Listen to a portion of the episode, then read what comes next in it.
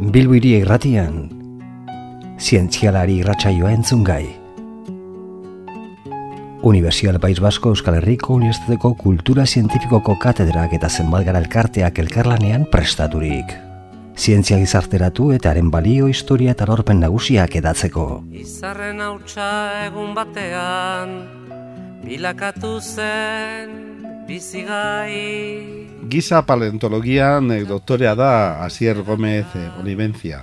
Egoitza postdoktoralak egin ditu Cambridgeko Unibertsitatean eta Parisko Museo Nacional de Tuar Naturel delakoan.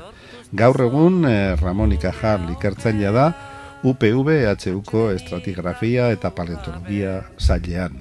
Lana eginaz goaz aurrera, kate horretan denok batera. Israelgo leize batean eh, gorde diren eh, fosilak oinarri harturik, ba, neandertalen eh, arnasketa sistema ikertzeko modua izan du Asier Gomez Olivencia antropologoak. Bertan aurkituriko orno, saietz eta ezur pelbikoek neandertalen etorraza nolakoa zatekeen jakiteko eta bide batez berrera ikitzeko bidea eman dute ikerlan garrantzitsu horretan. Eta ikerlanaren ondorio batzuk, harrigarri samarrak eh, dira, eta gaur, ba, Asier Gomez Oliventziak erakutsiko izkigu. Mm, datu harrigarri horiek erakutsiko izkigu gure artera etorrita baita bilbuiri erratiaren estudiotara eta hoi dugun bezala ongi etorria eskerrak ere emango dizkiogu gurera etortzeagatik Kaixo, Asier. Kaixo. Ba, mila esker gurera etortzeagatik eta, bueno, ez dakizkigun gai hauek erakusteagatik, neandertalak, eh, hasiko naiz galderak egiten, eh?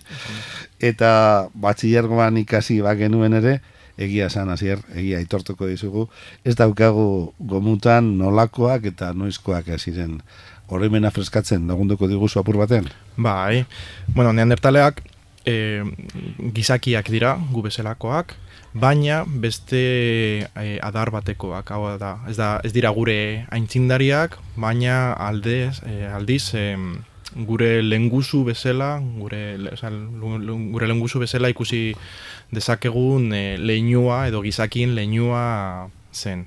Bai, hor nik nazte bat daukat eta zer den familian borra, espezie, esan daiteke espezie berekoak ez garela? Edo... Bai, hor, bueno, hor ez da galanta dago, ze alde batetik e, morfologikoki oso desberdinak dira, Orduan paleontologian e, oinarritzen garen ez eh, askotan morfologian, pues esan dezakegu, pues espezie paleontologiko desberdinak direla, hau da, ze ezur zehatz batzuk harturik, zuzenean jakin dezakegu ze espeziekoak diren. Hau da, adibidez, e, gorputzaren ezurduraren e, ezurrik txikien hartuta ere, hau da, pues, e, e, belarria, bueno, belarriaren par, barruko partean dagoen estriboa bai. begiratuta, e, berezi dezakegu neandertal bat giza moderno batetik. Eta ezurdurarean zehar, badaude hainbat desberdintasun, garauserrean, e, hortxetan, mandibuletan, e, ezur poskranealetan. Orduan, paleontologikoki, esan dezakegu, eta mm, pues, espezie desberdinak direla. Baina gertatzen dena da, azken aldi honetan e, genetika e, genetikako e, ikerketak e, diotenez pues, e, gure espezie hau da homo sapiens eta neandertalen arteko e, gurutxapena gertatu gertatu zela.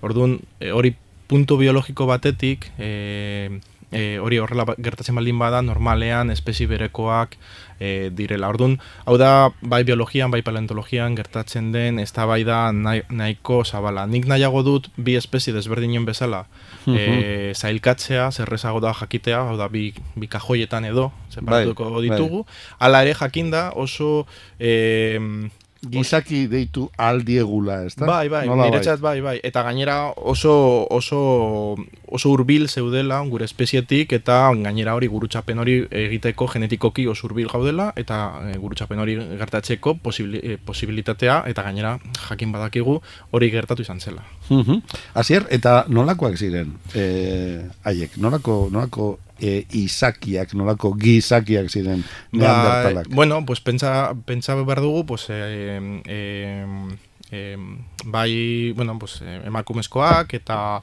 eta gizonezkoak zirela, pues, emakumezkoak pues, gutxi gora bera, metro eta berrogeita amar, metro eta berrogeita amabos zentimetrotako altura, gizonezkoak agian pues, e, amar, amabos zentimetro gehiago, gu baino e, zabalagoak, robustuagoak, baina ez askoz askoz gehiago, eh?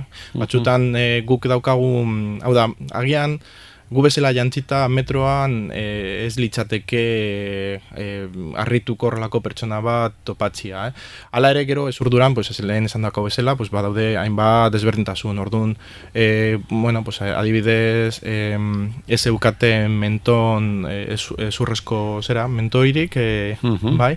Baina segurazki, bueno, hori ez dakize punturaino nabarituko zen, e, garezurrak luzeagoak ziren, -hmm. pizka luzeagoak, gero em, e, ba, frontala ere pues, pizkat e, e, atzeratuagoa. At, atzeratuagoa, bai, eta eta begien gainean ba zeukaten horrela nahiko robustuak ziren pues e, estruktura, ezur estrukturak, ez? Mm Orduan, bueno, eh baina bueno, ba, hau eta gero anatomikoki ja ezurra begiratuta, pues hor badaude, ba guk normalean ikertzen ditugun ezur hoietan badaude hainbat bereizgarri, ez. Mm Beraz, le, gure lengusuak ziren. Hori da, gure lengusuak.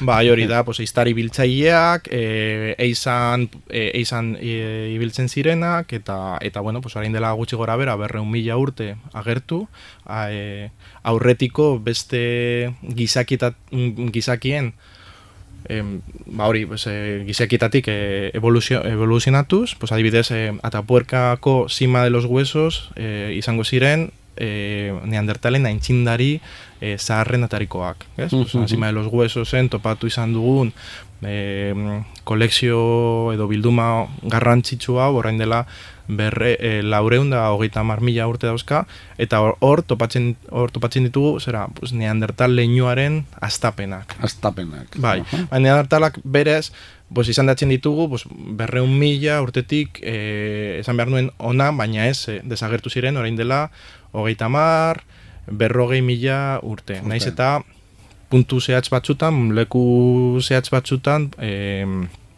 e, gurutzatu ziren pues, gure espeziarekin. Da hori da. Aha, oso ondo, oso ondo kokatu gaiztuz. bueno, eta ikerketa bat dela eta ekarri zaitu gona, azier, eta aipagai dugun ikerketaren bidez, ba, neandertalen toraza berrera ikitzea lortu duzue nola berreraiki daiteke, eta hori da nire galdera harritzen dauen kontua delako, nola berreraiki daiteke orduko espezie baten torasa? Ze teknika erabili duzue?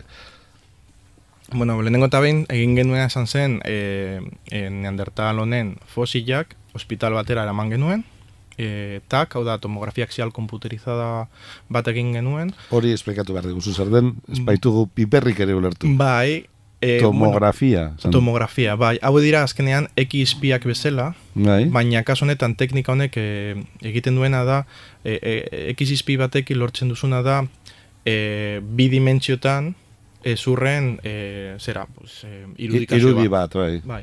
Vale, tomografiak, e, tomografiarekin lortzen duzuna da, azkenean, irudimentsiotako e, XP hauek, hau da, ah, edo, edo, eh, esan dezakegu ere, eh, ikizizpian zeharte bakiak, zeharte bazki asko.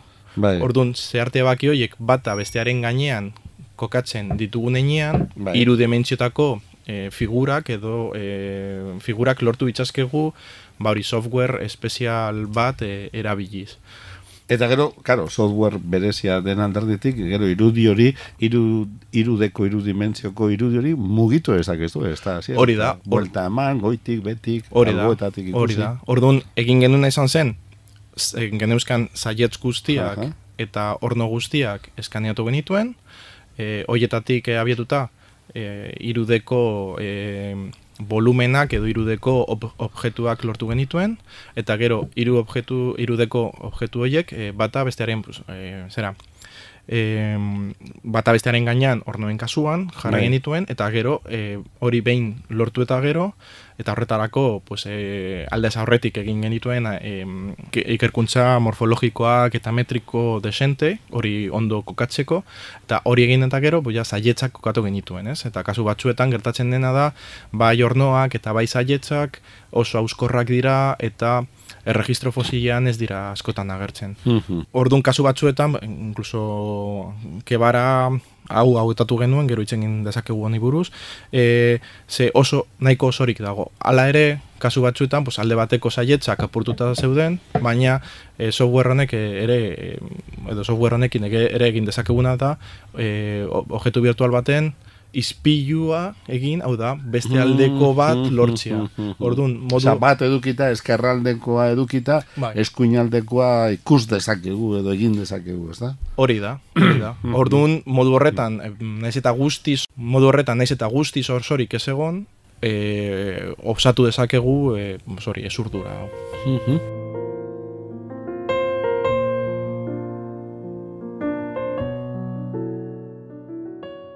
E, aipatu duzu leizearen izena eta horra joko dugu oraingo galdera honetan. E, hori galdetu nahi dizut. Nongo fosilak erabili dituzuet, zergatik aukeratu dituzue horiek, aipatu duzu orain, eta galdera horri e, lotuta beste galdera bat ere bai. Hori toki horretakoa eginda beste nonbaiteko fosilekin alderatu, alderatu beharko zenituzkete orain nolabait zuen emaitzak balekoak, universalak direla forogatzeko, hasier? Bai, bueno, oso, oso galdera e, garrantzitsuak. Bueno, pues, e, aukeratu genuen kebara, kebarako, aztar, kebarako astarnategian topaturiko e, bigarren neandertala, e, kebara bi deitutakoa, ze e, kobazulo hau e, Israelen dago kokatuta. Israelera eh, jo behar izan zenuten, beraz. Bai, eta e, kobazulo honetan, pues, bueno, topatu zuten lehenengo zu neandertal bat, e, eta hori izango zen kebara bat, eta gero e, heldu baten ezurdura. E, eta naiz eta adibidez, pues, ezurdura honetan garezurra ez egon, badago mandibula, edo matrailezurra, eta gero postkraneala nahiko osorik dauka. E, baina torazaren kasuan gaur egun daukagun individurik osoena da. Orduan, ze, orno guztiak preserbatzen ditu eta saietz guztiak. Eta hori ez da bat ere ohikoa, ze lehen esan dudan bezala. Oso normal- auskorrak dira, ez da? oso auskorrak dira eta ez dira sarritan topatzen. Orduan, e, horretatik horregatik jo, jo genuen e, individu honetara. Eta Bai. gero, bigarren galderari, galderaren arira, em, gau, azkenean, e, birrera ekipen virtual hau, em, da azkenengo hamar urtetan ikerlari talde batek e, egindako edo egin dugun e, lanaren azkenengo pausua. Ze hori guztia egin baino lehen, egin izan ditugu, em, orno bakoitzaren, edo orno isolatuen e, azterketa, zaietz isolatuen azterketa, eta horretarako e, ez dugu bakarrik kebara bi ikertu, ikertu izan ditugu beste hainbat neandertalak adibidez, pues, e, ikertu izan ditugu e, Frantzian topaturiko La Chapelle Osanz neandertala, edo Regordu neandertala, edo e. Irakeko Kurdistanen topaturiko pues, Sanidar Iru neandertalen ezurrak. Hau da, guk Kontrastea erabili duzu, eh? Bai, orduan, eh, orduan, eh, ornoz orno begiratuta eta zaietze zaietz begiratuta, kebararen morfologia, naiz eta beste neandertaletan eh, horren osorik ez egon, eh, kebara mm, da bataz, neandertalen bataz besteko bat, edo Bai, bai, bai. Orduan, claro, e, bai, etorkizunera begirauta, bai gustatuko litzaiguke beste neandertal gehiagoekin e, konparatzea, baina eske orain arte e, ez dugu aukerarik izan, osea, beste neandertalak berrera ikitzea, ze ez daude horren osorik. Bai, Orduan, bai, bai. etorkizunean besteren bat topatzen badugu, pues oso polita izango litzateke ere hori alderatzea. Eta, de hecho, e, badaukago ointxe bertan e, egiten ari garen beste beste kideekin e, aurreratzen gauden beste e, beste ikerketa bat da, e, hau da, toraxaren ontogenia, hau da, askuntza zelakoa zen. Eta horretarako jo dugu neandertal umeen ezurduretara ikusteko ezurdura edo e, ume hoien e, toraxa zelan joaten zen e, aldatzen, pizkanaka, pizkanaka. Eta kebaran baduzu gainera, ume bat, ezta? Bai, Eldorren... bai, bai, zoritxarrez, kasu horretan, ezin dugu justo ume hori erabili, ze horretan oso apurtuta dago, eta Ah, orduan joi, bai, oso, bai, orduan jo izan dugu beste... E, Toki batzuetara. Toki batzutara, bai. Mhm. Eta esaten ari zaren, zera, benetan apasionantea da, ikuste, jo, hemen falta zeite zur bat, baina hangoak badaukat arduan, arekin jakin dezakete hemengoa, eta e, imaginatzen dut, e, hasier, e, alako puntako teknologiak erabili ezean, oso ondorio ezberdinak, e, osea, ezin jateketela inola ere ondorio hauetara helduko, ezta? Bueno, eh, a Edo ver, agian, bai. mm, herramienta hauek oso baliogarriak dira, zere azkenean zu radiografia bat egiten diozunean e, zurrari e, ez diozu kalterik egiten, aldiz e, horren replika fisiko bat egiten badiozu, edo aintzinean egiten ziren replika fisikoak egiteko, egin behar zenuen silikonazko molde bat, eta gero eta hori normalean e, ezurrak kaltetzen zituzten, ez? Gaur eguneko e, gaur eguneko e, zera pues, protokoloekin edo gaur eguneko, teknologiarekin egin dezakezu bai e, pues, hori eskaner laserrak, bai azalerazko es- eskaner laserrak, edo Ikutu gabe takak, ere, ikutu ezta? gabe, eta horrela ez, esan dezakezu objektu virtual bat, eta objektu virtual hori imprimatu dezakezu iruden gero berrera ikitzeko. Bai, bai. Bai, orduan, em, gure saiakera baino lehen, bai e, egin izan dituztela saiakera fisikoak e, metodo tradizionalekin, eta gauza, gauza batzuetan, guztiz ados gaudez, azkenean anatomiak e, baldintzatzen du zuek egin dezakezun berrera ikuntza hori, ez? Adibidez, hori, pues azkenean, e, naiz eta guztiz ados ez egon haiek egindakoarekin, ze e, gu orain proposatzen dugu neandertalen bai postura eta baita ezurduraren e, zera, zera batzuk, bai edo morfologia batzuk, e, azkenengo esan dezakegu azkenengo hamar urtetako proposamenak dira eta eta ber, e, birrera ikuntza tradizional hau 2005ean e, publikatu zen, orduan pizkat e, aurretio egin zen. Em, baina hildo orokorretan nahiko nahiko gauza antzekoak topatu genituen, Mhm. ze azkenean, bos, esan bezala, azkenean ezurrak e, e, agintzen du eta ezurra Bai. horrela baldin bada, zuk ezin duzu beste modu batean Ezin jarri. da asmatu. Ez hori da. Dagoena dago takitxo, ez da? Erki. Bueno, baina beti baliagarri, ez da, lako Bai, teknikak bai, eta. bai, bai. Bueno, bizkarre zurra, hornoak, saietzak eta ezur pelbikoak aztertu dituzue.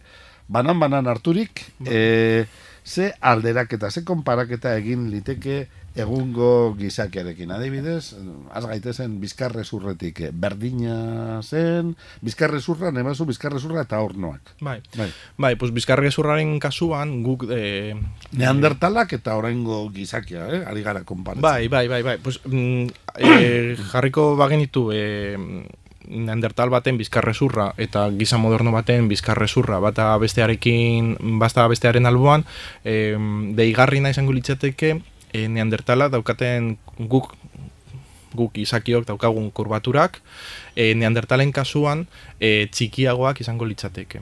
Osea, zutago, zebiltzan gu baino. Bai. Eh, zurrunago, zuzenago, zutago. Bai, ez dakit posturaren aldetik kanpotik ikusita asko zik- eh, ikusiko genuke, baina bai, horre zearte baki bat Bai. eginda, ba, zera, pues, eh, itxura sinusoidal edo horrelako eh, kurbatura horiek pizkat txikiagututa egongo ziren. Eta hau da, neandertalen berizgarritasun bat, ze atzerago egiten baldin badu giza evoluzioan, eh, adibidez parte lumbarrean, eh, zera, bizkarraren beko partean, daukagun eh, kurbatura bat hori oso garrantzitsua da eta eta bipedestazioarekin, hau da, em, modu- Oinez ibiltzearekin. oino, oinez ibiltzearekin oso erlazionaturik dago, ez? Orduan, kurbataura barkatu.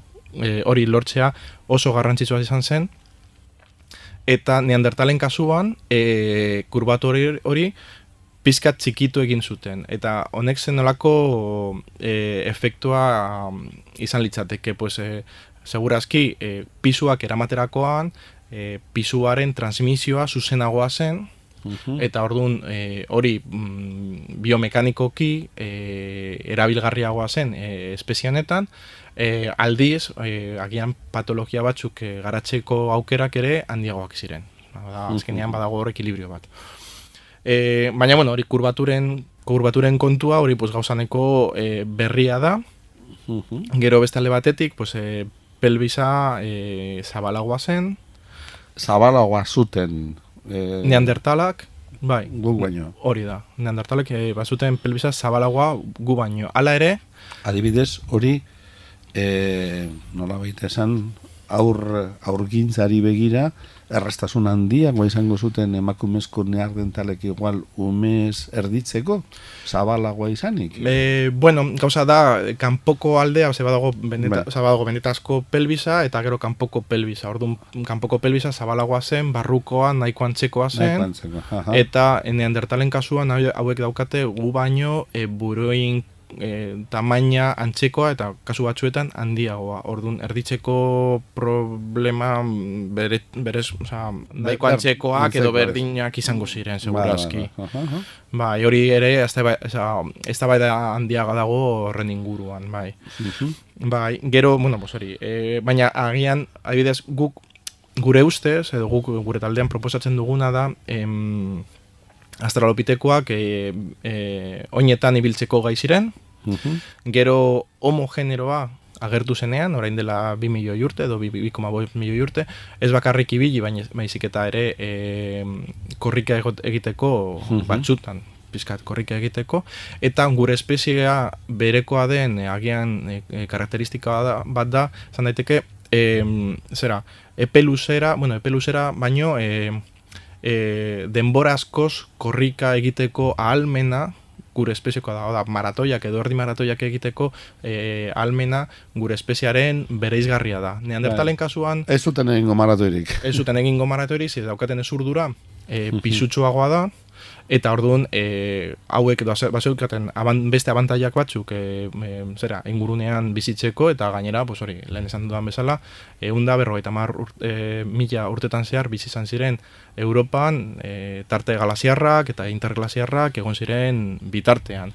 Orduan, bueno, Espezie sendoa zen, beraz. Bai. Iraun bazuen, nahi, luzaron iraun bazuen, oso sendoak ziren, ezta? Bai.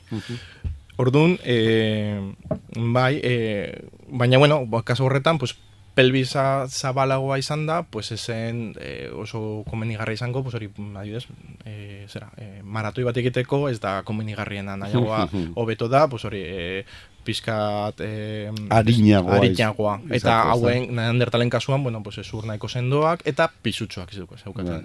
Bai, bai, bai. Eta falta zaigu aztertzea pixka bat eta eh, erkatzea gizakiarekin e, zerak, saietzak. Bai, pues bueno, saietzen kasuan, edo toraxaren inguruko, ze saietzen kasuak puntuz puntu begiratzen badugu, bueno, dira nahiko teknikoa da, baina toraxa orokorrean begiratzen badugu, toraxa e, zabalagoa zuten ere, pelbisa bezala, eta gero, e, e, zera, e, ornoen kasuan, edo bizkarrezurra, toraxaren barrurago zeukaten, ez? Osea, Mhm. sakroa pelbisaren e, ezurretariko bat, Sartuago. sartuagoa zegoen eta orduan horrek baldintzatzen du e, bizkarrezurraren e, kokapena toraxarekiko eta orduan pizka zaba, e, sartutagoa zeukaten eta bueno, pues, batez be, eta gero saietzen kasuan pues ere pizkat horizontalagoa kokatuta. Horizontalak, eh, saietzak, horizontalagoak izateak, ze ondorio dakarre arnaz aparatuari, arnazketa sistemari dagokionez hasier. Ba, bueno, guk gure, gure artikuluan hori eztabaidatzen dugu, ze azkenean guk azken e, zintxalari bezala egiten duguna da morfologiaren alda, e, e, zera, aldarapena eta hori bai ikusten dugula. Gero horren eza, e, edo pues, Mhm. eztabaidagarria da, ze azkenean pues, ez daukagu hor neandertal bat haiei galdetzeko, ez? Bueno, baina, bueno, bromak aparte utxita, gertatzen dena da, e, gure ustez, saietzak horizontalagoak bazeuden, gora eta bera mugitzeko arnazketa, arnazketan egiten den mugimendu horretan gora eta bera joat, ego joateko, agian e, Arnaza hartu eta botatzeko. eta botatzekoan gure saietzak mugitzen dira, eta orduan agian haiek egin e, zezaketen mugimendu hori, edo haien e, saietzak egiten zuten mugimendu hori txikiagoa zen. Aha. Aldiz, badago arnazketan oso garrantzitsua den muskulo bat, e, diafragma deiturikoa, Bai, eta orduan gure ustez, claro, lehen esan bezala, esan, e, neandertalek zeukaten toraxa zabalagoa zen. Orduan, beko partean diafragma dagoen lekua, bai. diafragma horren azalera gure espezian baino an, e, bueno, espeziikoarena baino handiagoa zen edo zabalera handiagoa zuen. Orduan, em, horrek segurazki baldintzatuko zuen. Hau da, guk daukagu bi modu arnasteko, bai, zaietzak mugitzen eta baita e, e, zera, diafragma mugitzen. Neandertalen kasuan gauza bera, baina segurazki mm, diafragma pizkat gehiago erabiltzen zuten eta e, zaietzen mugimendua pizkat gutxiago erabiltzen zuten. Beraz, bestea, arnasketa sistema bat zeukatela. Antzekoa, baina bai. ezberdintasunak bai. zituena. Aha.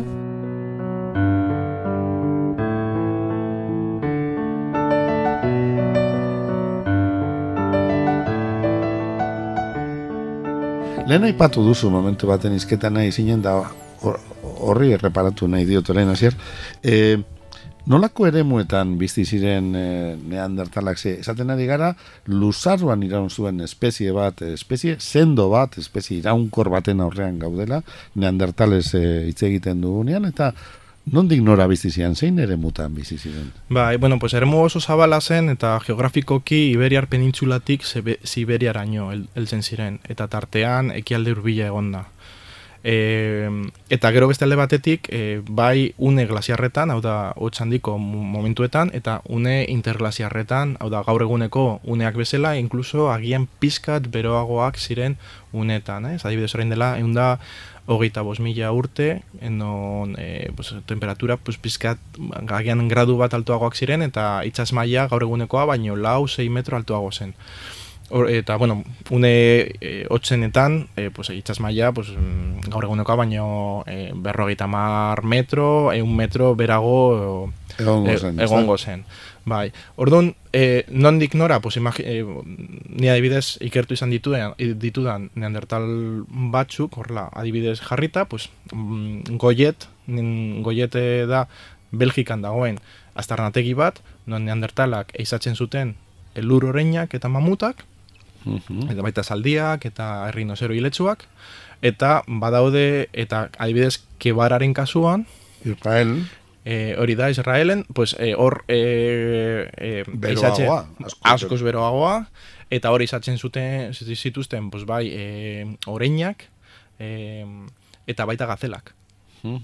Orduan, Afrikan bezala. bai, azkenean, claro, eh, hor ekialde urbiloak... Afrikakoak ere badia, eta... Bai, hori da, ekialde urbila da azkenean, pues, gugun, gaur egun Europan ikusten ditugun ekosistema, eta Afrika, e, Afrikako ekosistemen, pues, e, nazketa bat izan daiteke, ez? Ba, daukate baso mediterraneoak, eta gero sabanantzeko lekuak. Orduan, azkenean, e, gure kasuan bezala, naiz eta gure kasuan, e, aratarago joan gara, da, pues, inuitak, pues, e, zera, e, e, eremu polarretan bizi diren, e, neandertalak ez ziren eredu polarretan, baina bai nahiko estepa hotxetan bizi ziren, baina librean ere, Iberiar penintzulan, pues, ahiez Gibraltarren edo Valentzian e, une, une beroetan bizi ziren. Eta bueno, pues, e, e, basauntzak e, izatzen eta e, basurdeak edo oreinak izatzen. E, orduan, bueno, e, nire ustez politagoa da pentsatzea e, neandertalak ez ziren la bakarriko e, eremu glasiarretan bizi ziren e, gizakiak baizik eta eremu askotarako e, bizitzeko gai ziren e, izake kulturalak gainera kultura desberdinetakoak eta bos, gu bezala ez? Hildo horretan gu, gu bezala ze horren lehen esan, da, esan dudan bezala gure zeratiko zurbil daude bai gure lengusuak baitira, ezta? Hori da, gure lengusuak baitira. Oso ikerketa interesgarria, ez genuke amaitu nahi gaurko saioa, hasier badakit zientziaren aldetik galdetuta ez dela oso zilegizkoa horren esango dizudana, baina bueno, zientziaz arago, edo zientziaren zirrikitu batetik begiratuta, e, naiz eta frogatutzat e, esemon, zuen e, ikerketaren emaitzek e, besterik, beste ondoriorik eh, iradokitzen dutela esango zenuke, edo naiz eta ezenuken egiaztatuko eta naiz ezenuken artikulu bat sinatuko horretaz. Baina iruditzen zaizu, jo ba, behiatu, eh? ikusi dugunaren arabera, agian hemendik ikertu beharko genukelakoan nago ni, edalako zerbait esango zenuke punturen baten? Bueno, eh, ez dakizien punturaino kapasa zen nintzateke hori egiteko. Gauza da, em, gure, gure maitzak, e, orain dela gutxi gainera e, kolokani jarri direla beste ikerlari talde batek pues aurkeztu izan du beste neandertal pelvis baten pelvis baten e, birrera ekipen virtuala eta orduan e, bueno, pues, guk proposatzen dugu nori pues, e, zera e, kurbatura gutxiko, gutxiko e, bizkarre zurra, e, pues ez, haiek uste zut, edo uste, uste dute guk lotzen, lotzen dugula, orain dela egun urte proposaturiko neandertalen e, itxurara, hau da, pues, e, modu oso kaskarrean ibiltzen zirela, e, postura kaskarra zutena, eta gainera ez zirela kulturalak, gure kasuan, e, aratago joan gara, eta, bueno, e, beste postura bat proposatzen dugu, desberdina dena, baina ez e, okerragoa den.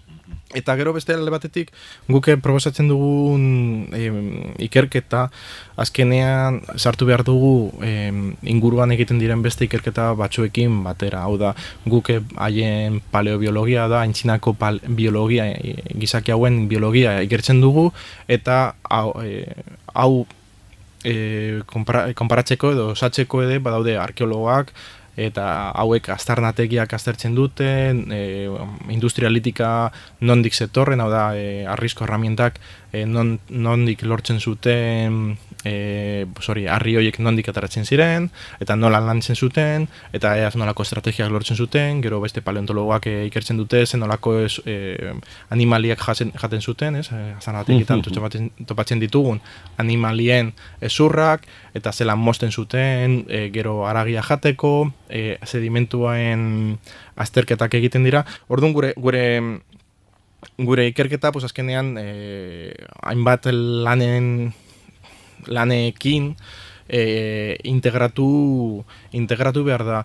Guk orain e, orain interesatzen zaguna da, bueno, pues ikusi dugu neandertal edo neandertal helduak baseukatela desberdintasun bat e, e, toraxean e, gaur eguneko gizakiarekin aldaratuz, orduan horren askuntza zelakoa zen. Ez? Mm-hmm. Eta hori interesatzen zaigu ere jakiteko eta modu batean ikusteko espezionen evoluzioa nondik nora joan den.